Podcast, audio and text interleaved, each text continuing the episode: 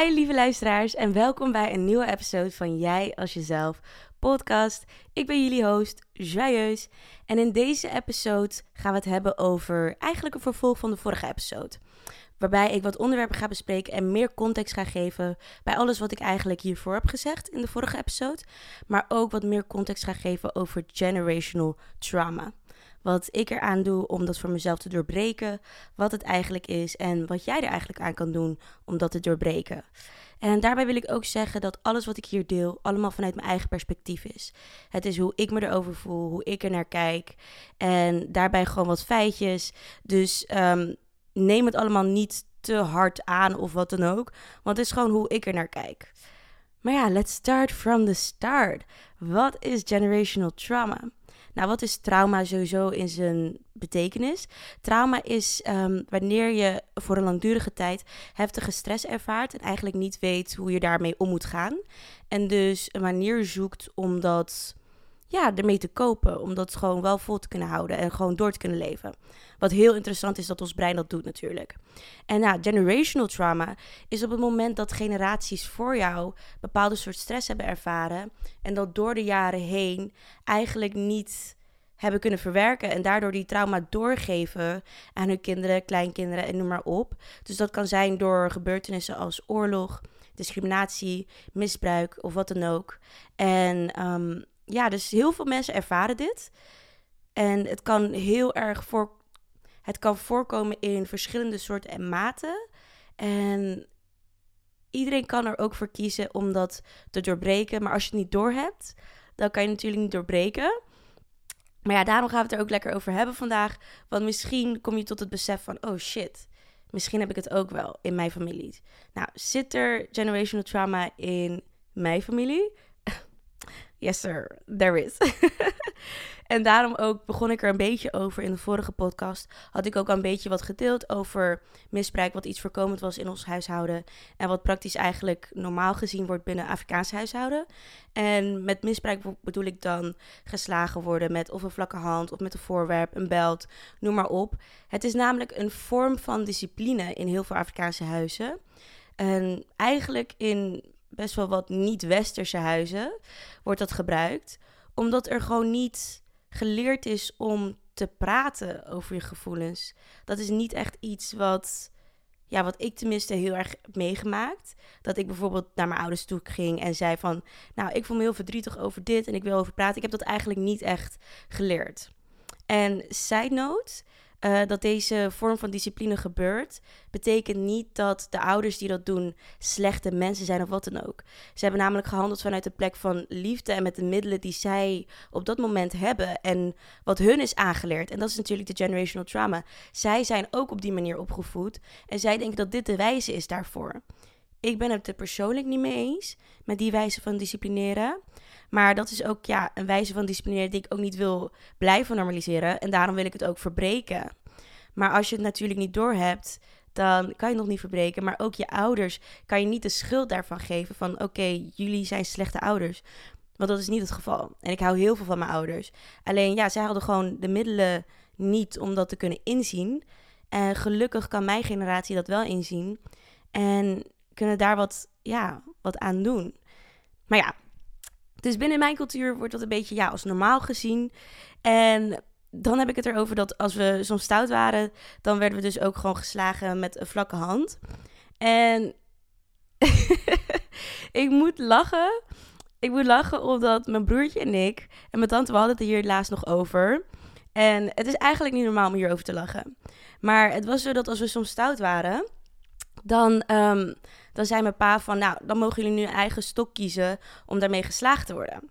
En waarom wij daarom moesten lachen was tijdens een gesprek, was omdat wij altijd dachten van, oeh, als wij nou gewoon een dunne stok kiezen, dan doet dat minder pijn.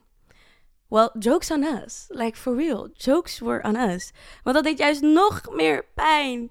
Want ja, zo'n dunne stok, dat gaat natuurlijk, dat zweept veel makkelijker. En wij dachten altijd, oh my god, we zijn hier zo slim mee bezig. en I know, dat klinkt zo raar terwijl ik dit vertel en tegelijkertijd lach. Het is gewoon natuurlijk een coping mechanism, maar ook omdat ik heb het al geaccepteerd. Weet je, het is wat het is, dat was er toen. En je kan er gewoon nu niks aan doen. Het heeft geen nut voor mij om hierover te huilen. Ik kan het alleen maar vanuit een bredere lens of zo bekijken en inzien: oké, ze bedoelden het niet slecht. Het was hun manier van disciplineren. En ehm, ik heb eigenlijk nog een verhaaltje. Het moment dat ik zoiets had van: ik wil het niet meer. Dat moment. Ik weet nog dat ik. Ik weet niet eens meer wat ik had gedaan. Ik weet oprecht niet wat ik had gedaan. Of ik respectloos was naar mijn ouders toe. Of dat ik iets had gedaan wat niet mocht. Maar um, het was zo dat ik werd bijna geslagen door mijn vader. Omdat ik iets had gedaan. En het was met de stok. Ik denk dat ik iets van 14 of 15 was toen de tijd. En iets in mijn brein ging over of zo. Of het klikte. En ik pakte dus de stok vast. Waar hij mij mee wou slaan. En ik keek hem echt recht in de ogen. En ik dacht echt gewoon: nope, not today. We're not gonna do this today. I don't want to be hit. So you're not gonna hit me. En hij keek me ook echt gewoon deadass ook in mijn ogen aan. En hij moest gewoon lachen. Hij dacht natuurlijk, jeetje, wat gaat dit kleine meisje doen? Want ik was echt, mijn vader is gewoon echt, weet je, gewoon een forse guy, een grote vent. En ik daar als ielig meisje van 14 pakte die stok vast. Hij moest gewoon lachen. Dus ik moest ook lachen, want ik dacht, ja, dit is een battle, die ga ik nooit winnen. dit ga ik gewoon nooit winnen. Maar toch tegelijkertijd dat ik zoiets van, nope, ik hou gewoon vast aan die stok. Weet je, ik heb er gewoon echt geen zin meer in. Ik vind dat ik deze pijn gewoon niet verdien. Dus ik ga er gewoon tegen vechten. En ik hield die stok vast. En mijn pa trok die stok uit mijn hand. En uh, mijn hand begon te bloeden. Want ja, ik hield die echt. Ik hield die stok vast. Echt voor lijf. Ik heb nu ook een litteken eraan overgehouden. En ik weet nog dat ik naar school ging en dat mensen ook natuurlijk vroegen van ja, wat is er gebeurd? Uh, ja, je, je, je hand zit helemaal verband, bla bla. En dat ik gewoon, ja, ik loog gewoon natuurlijk wat er gebeurd was. Ik zei van ja, ik weet niet eens meer wat ik heb gezegd trouwens. Ik heb waarschijnlijk gezegd ja, ik heb mezelf gesneden of zo, of ik ben gevallen en whatever is gebeurd. En nu dat ik het zo zeg, besef ik me ook gewoon dat toen der tijd ging er zoveel dingen gebeurden er maar ik hield de schijn hoog dat het gewoon altijd een soort van goed met me ging. En dat is ook iets wat ik heel veel zag, ook bij mij thuis. Weet je, dat ook al was er van alles aan de hand bij ons thuis. Overal waar we naartoe gingen, het ging goed. We zagen er het beste uit, waren best gekleed, waren allemaal met een big smile, happy family. Terwijl thuis, shit hit the fan. En ik was helemaal niet blij op een gegeven moment merkte ik ook van, ik kan die schijn gewoon niet meer ophouden. Dus ik ging ook vaak niet mee naar al die ja, Rwandese evenementen en feestjes. Ik was gelukkig ook wel gewoon druk met mijn eigen leven en mijn eigen ding. Maar ik wou er ook gewoon niet naartoe.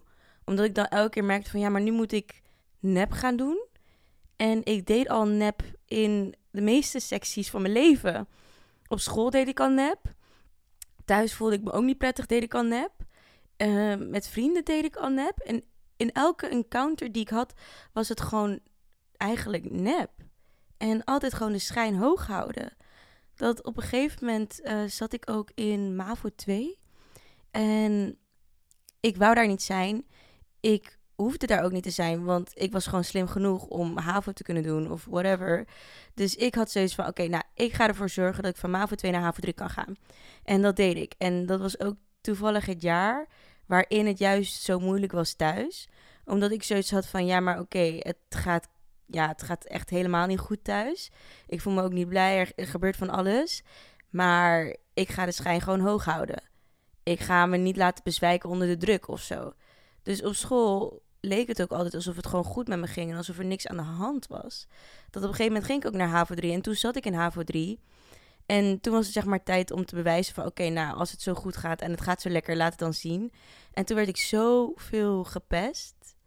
Maar echt als in gewoon huilend de klas uit en gewoon in pauzes. Je hoort heel vaak van die verhalen van mensen dat ze in de pauzes op de wc zitten. En vroeger dacht ik altijd, nou, hmm, hoe kan dat? Wat is dat? En, maar ik heb gewoon die momenten ook echt gehad. En ja, dat is gewoon dat wens je echt niemand toe. Ik denk dat mijn middelbare schooltijd echt de hel was voor mij. Echt de grootste hel. En dan voel je al daar ook niet thuis. En je voelt je thuis ook niet thuis, jezelf. En je bent heel de tijd overal de schijn aan het ophouden. En ervoor te zorgen dat het allemaal goed lijkt voor de buitenwereld. Maar van binnen ga je helemaal gewoon kapot. Je weet gewoon niet wat je met jezelf aan moet. Dus dan maar van de buitenkant alles er goed uit laten zien. Er altijd goed en tip-top uitzien. Altijd weten wat je aan het zeggen bent. Maar het was gewoon allemaal anxiety, depression, soort van allemaal mixed door elkaar. En uiteindelijk viel ik ook gewoon echt zwaar door de mand in HAVO 3. Omdat ik gewoon zoveel gepest werd. Ik ging gewoon niet naar school. Ik ging dan, ik ging dan niet buiten hangen of zo. Maar ik ging dan gewoon muziek maken. Ik ging naar naar ja, wat lang op de wc blijven of whatever. Of dat ik me net wel kon inchecken. Dit weet mijn moeder trouwens ook niet. dus als ze dit hoort, oh shit. ik ging me dan wel een soort van inchecken, weet je. En dan uiteindelijk ging ik gewoon ergens zitten of whatever en muziek schrijven. Want dat was de enige manier waarop ik wel het gevoel had van, oh daar heb ik, kan ik iets ervan kwijt of zo, wat er binnenin mij gebeurt. En ook de enige lessen waar ik ook gewoon echt standaard naartoe ging, waren mijn muzieklessen. Terwijl die vielen ook heel vaak het meest uit, wat ik echt super jammer vond. Dan zat ik daar altijd, dacht ik, ja shit, jammer. En doordat ik ook zo lang de schijn heb opgehouden thuis, op school, later in mijn relaties, vriendschappen, is dat ook gewoon, is dat ook gebeurd. Ik weet nog dat ik uh, met een vriendin twee maanden of anderhalf maand geleden waren naar een feestje. was een nieuw soort concept in Amsterdam. En dat was op een terras terrasbar iets. En we dachten, nou leuk. En die dag voelde ik al wel spanning en merkte ik al van, oh, ik heb eigenlijk niet zo zin om daar naartoe te gaan. Maar we gingen toch en ik dacht ook van, ja, weet je, je kan morgen overreden worden en dan heb je niet genoten, weet je, van de dagen die je hebt. Dus dan ga je maar. Maar eigenlijk diep van binnen wou ik niet en wou ik gewoon het liefst gewoon lekker thuis zitten en chillen. Maar ja, we waren dus op dat feestje en we zet, zij zat te praten met een guy en ik zat er gewoon naast. En op een gegeven moment betrekt hij mij in het gesprek en vraagt me: Nou, wat doe jij? En nou, ik vertel het dus in de entertainment, actrice, zangeres, danseres, noem maar op. En hij op een gegeven moment: Ja, ben je nu aan het acteren? Just like that. Ben je nu op dit moment aan het acteren? En mijn eerste reactie was natuurlijk mezelf helemaal verdedigen. Oh nee, nee, bla bla. Terwijl later dacht ik, um, jawel, ja, ik was aan het acteren. Ik was lijp aan het acteren. Want één, ik wou daar niet zijn. Dus het feit dat ik daar niet wou zijn, dat kon hij waarschijnlijk aanvoelen. Want ja, ik was ook niet echt aanwezig. Zeg maar, mijn presence was niet daar. Omdat ik daar niet wou zijn. En het meer deed voor, ja, voor die vriendin. Maar ja, dat zijn dan. Weet je, dat is gewoon weer dat de schijn ophouden en net doen alsof het allemaal goed gaat. Terwijl eigenlijk wou ik en daar niet zijn. En liep het eigenlijk ook niet lekker in onze vriendschap. Maar ik doe het dan toch allemaal, want ik wil niet dat het lijkt alsof het verkeerd gaat in mijn leven. Terwijl op dat moment voelde ik me ook niet echt per se in een prettige plek in mijn leven. En dat merkte zij waarschijnlijk ook. En dat merkte die guy ook. Alleen ik durfde er niet over te praten. En dat is dan weer dat stukje generational trauma waarbij het is mij nooit aangeleerd hoe ik moet praten. En het is mij gewoon geleerd van als het verkeerd met je gaat of het gaat niet lekker met je, dan hou je het in. Doe je net alsof het gewoon goed met je gaat. Want dat is wat ik gewoon heb gezien. Dat is waarmee ik ben opgegroeid. En wat doet een kind? Een kind doet gewoon copy-paste. Dat is het. Je doet gewoon copy-paste. Oké, dat is wat zij doen. Ze functioneren nog. Oké, dan ga ik dat ook doen. En het is zo lijp, want inderdaad, je functioneert gewoon nog. Maar eigenlijk ook weer niet. Je bent gewoon op automatische piloot. En je leeft gewoon niet je leven voor jezelf. Weet je, zoals ik zei in de vorige podcast. En je bent gewoon bezig met de schijn ophouden. En het is zo fucking vermoeiend. Het is oprecht echt zo moe, moe makend. Dat ik merk ook nu dat ik gewoon wel dat eerlijk zeg, ik heb er geen zin in. En dat allemaal naar buiten laat. Of gewoon zeg van, weet je, dit is hoe ik me nu voel. Ook al is het echt niet leuk in dat moment. Omdat ik, ik moet nog wennen aan, zeg maar, nee zeggen. Of mijn mening uit op die manier. Dat ik ben ook gewoon minder vermoeid. Ik merk dat ik meer energie heb. Want daarvoor gaf ik zoveel energie uit. Maar het was allemaal energie wat gewoon nergens naartoe ging. Want het was gewoon niet oprecht. Het was niet intentional. Het was gewoon niet real. Het was gewoon nep. Want ik deed heel veel dingen die ik niet wou doen om gewoon de schijn hoog te houden. Dus eh, zelfs op school, al deze jaren. Tuurlijk heb ik mijn mooie momenten gehad, echt wel. Maar ik denk ook echt wel dat op een gegeven moment brak ik ook wel. Dat, dat, dat is zeker zo. Ik brak ook wel. En dat was in mijn derde jaar van, uh, van de musicalopleiding. Toen had ik ook nog een relatie. En ik merkte gewoon dat het gewoon niet goed zat in mijn relatie. Dat ik gewoon niet blij was. En waarschijnlijk had niet eens te maken met de relatie zelf. Ik was gewoon niet blij met mezelf en wat ik aan het doen was en waarvoor ik gekozen had. Het voelde gewoon niet oprecht. Het voelde gewoon niet echt. En ik merkte dat ik daar gewoon niet meer mee door wou. En dat ik mezelf aan het saboteren was en gedrag aan het vertonen was van mezelf. Die ik gewoon niet leuk vond. En daar wou ik gewoon niet mee door. En dus uiteindelijk had ik ook gewoon besloten van... Oké, nou, misschien dan toch het beste om de relatie te laten zoals het is... en gewoon alleen door te gaan. En toen merkte ik ook van... Oké, het is toch wel tijd om in therapie te gaan... en het over dingen te hebben die ik gewoon heel lastig vind. En sorry, jullie horen dus de verandering in mijn stem, omdat het zo lastig om jezelf in de spiegel aan te kijken en door te hebben van, oh shit, alles, niet alles, maar het meeste wat ik tot nu toe heb gedaan of heb gezegd, het is gewoon niet, het is gewoon niet echt. Omdat je gewoon zo bang bent voor het oordeel van anderen. En wat nou als ze erachter komen dat je niet dat perfecte poppetje bent en het niet op die manier ziet en hele andere ideeën hebt over hoe jij het zou willen, maar je omgeving is het daar niet mee eens. Terwijl dat zou eigenlijk ook helemaal niet moeten uitmaken of ze het ermee eens zijn, maar dat is ja, wat ik altijd in mijn hoofd heb gehad. Dus ook al kan het allemaal zo mooi lijken, relaties, vriendschappen, familie, noem maar op, van de buitenkant. Van binnen ging het gewoon echt niet lekker. En uiteindelijk komt dat toch wel naar buiten. Of het nou nu is of over 50 jaar, het komt gewoon naar buiten. Dat is gewoon een fucking feit. En ik ben ook wel blij dat het gewoon naar buiten is gekomen. En dat ik dat nu door heb. Dat ik die bewustzijn heb. En dat ik daardoor hele andere beslissingen kan maken. En beslissingen waardoor ik mezelf sterker voel in het leven. En ook echt veel blijer ben met mezelf en me zo zelfverzekerd voel. En ook nu met mijn natural hair, als je ook mijn video's en me volgt op Instagram of TikTok, dan... Ja, dit is pas volgens mij de tweede keer in mijn leven dat ik ehm, een wash and go heb met mijn natural hair. En dat terwijl ik 27 ben, wat niet uitmaakt. Het is gewoon super tof. Maar het is toch wel dat je denkt van, zo, je hebt jezelf echt wel voor hele lange tijd verlogend of zo. Gewoon niet willen zien wie je echt bent. Terwijl wie je echt bent is gewoon een echte prachtmens. Is gewoon echt een geweldig persoon. En ja, die generational trauma, die zit er. Dat gaat. Daar ben ik nu mee bezig met het verbreken. Ik wou zeggen dat gaat niet weg, maar dat gaat wel weg. Want juist dit wat ik nu doe, het erover hebben en me daarin openstellen, is al gewoon een stap in die richting. En dat is ook wat ik wil blijven doen. Dus ik ga dit ook zeker blijven delen.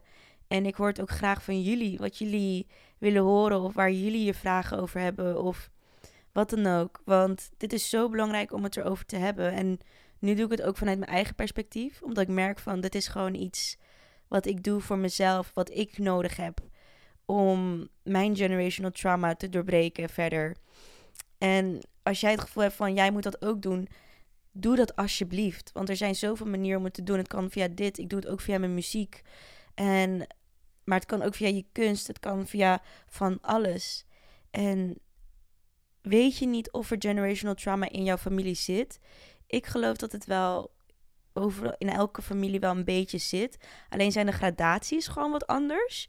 Bij de ene familie is het gewoon heel heftig. En bij de andere is het misschien ja, gewoon heel kleine soort normen en waarden waar zij heel erg aan vastklammen. En jij bent juist niet zo. En jij wilt je daar niet aan vastklammen. Um, je kan gewoon altijd vragen. Ik denk dat dat gewoon het ding is. Wat voor mij zo lastig was. Omdat juist communicatie is hetgene wat juist struggle is binnen mijn, ja, genera ja, binnen mijn bloedlijn. En, maar als dat niet het geval is, gewoon vragen. En als het wel het geval is, gewoon nog steeds vragen. En anders gewoon doen. Wees die persoon die jij wilt zijn. Ook al, hebben, ook al zijn andere mensen het er niet mee eens.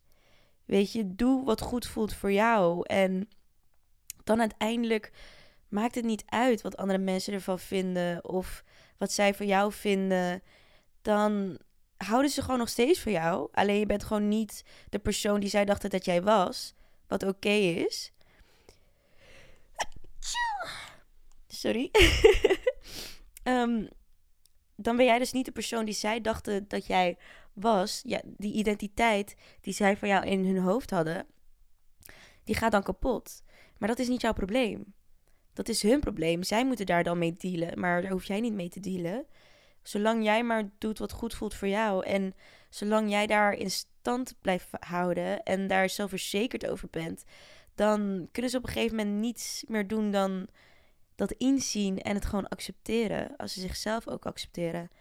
En je weet maar nooit, misschien ben jij die ene persoon die daar ook weer voor zorgt in jouw generatie of in jouw bloedlijn.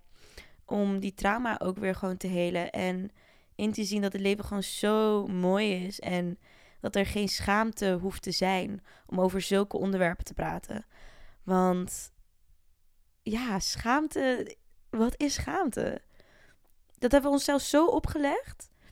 En terwijl het bestaat niet, je hoeft je nergens voor te schamen. Praat er gewoon over, wees er open over. Al ben je de eerste, wees dan de eerste en de rest volgt wel. En als ze niet willen volgen, misschien inspireer je iemand heel anders. Over de andere kant van de wereld, you never know. Weet je? Dus, uh, dus ja. Ja, dus ja. Voordat ik de podcast afsluit, wil ik wel nog even zeggen dat ik eigenlijk heel trots ben op mezelf. Dat ik er op die leeftijd, als we terugkomen op het eerste verhaal, dat ik gewoon ervoor koos van nee, ik wil gewoon niet geslagen worden. Dit is niet iets wat ik later wil doen bij mijn eigen kinderen of wat ik leuk vind bij mezelf. Dus ik steek er hier een stokje voor en ik pak gewoon letterlijk die stok vast. Zo van nee, niet hier en niet verder. En ik denk dat ik vanaf dat moment eigenlijk mijn journey ben begonnen, toch wel. Ook al heb ik door de jaren heen het heel lastig gevonden qua communicatie. Ergens wist ik wel van diep van binnen: oké, ik wil het wel anders. En ben ook bepaalde dingen anders gaan doen. En nu is het nog steeds een journey dat ik anders de dingen anders wil doen. En niet de schijn wil ophouden dat het alleen maar goed met me gaat. Maar ook echt je andere kant te laten zien. En ja, gewoon het te doen en het te zijn. In plaats van het alleen maar te zeggen. Dus ja, dit is het einde dan van de podcast. Ik hoop dat jullie hebben genoten. Um, hebben jullie vragen, opmerkingen, nummer op? Slide in de DM op Instagram of op TikTok. En ik lees het allemaal en ik neem het ook allemaal mee. Mocht je over een bepaald onderwerp willen praten of willen dat ik met iemand over een bepaald onderwerp praat, zal ik iemand uitnodigen in mijn directe omgeving of erbuiten. En dan uh, hebben we het er gewoon over. En ja, ik ben jullie dankbaar dat jullie meeluisteren. En dan zie ik jullie, nou spreek ik jullie volgende week. Doei!